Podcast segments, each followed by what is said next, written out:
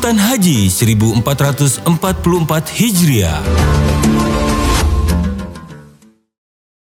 Hingga hari ini sebanyak 16 jemaah haji asal Nusa Tenggara Barat dinyatakan wafat di Arab Saudi akibat berbagai penyakit.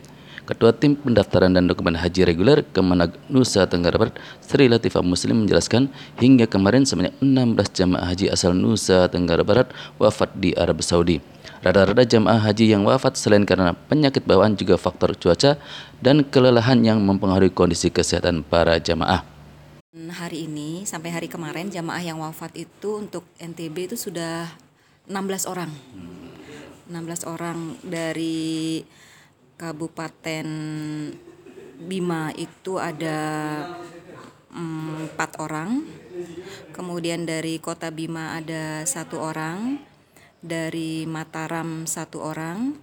Dari Lombok Barat itu ada empat orang dari Lombok Barat.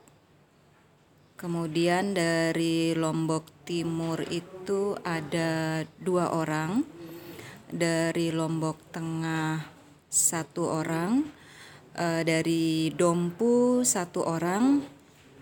Dan dari Sumbawa Barat itu dua orang. Itu. Penyebabnya? Penyebabnya e, sebagian besar itu kardiovaskular, kemudian ada juga yang kanker payudara, ada yang sesak napas. Usia? Usia bervariasi, usia itu dari ada usia paling muda usia yang wafat itu ada usia 45 tahun, kemudian usia 60 61, usia 65. Eh, salah, saya ralat. Yang paling muda itu wafat usia 43 tahun dan itu karena kardiovaskular juga gitu dan paling tua yang wafat itu usia 93 tahun rata-rata ya bisa dibilang rata-rata lansia di atas 65 tahun yang wafat ini. Apakah karena kondisi fisik yang atau memang, uh, memang karena mereka memang ada komorbid sudah emang dari bawaannya sudah punya sakit. Ada sakit yang diderita kemudian kondisi capek juga itu juga mempengaruhi kondisi kesehatan jamaah. Pengaruh cuaca? Insya Allah mungkin seperti itu juga ya.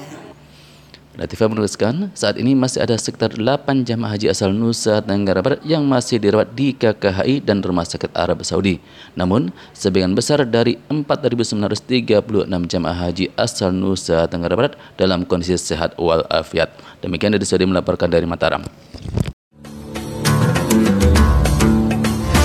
Liputan Haji 1444 Hijriah.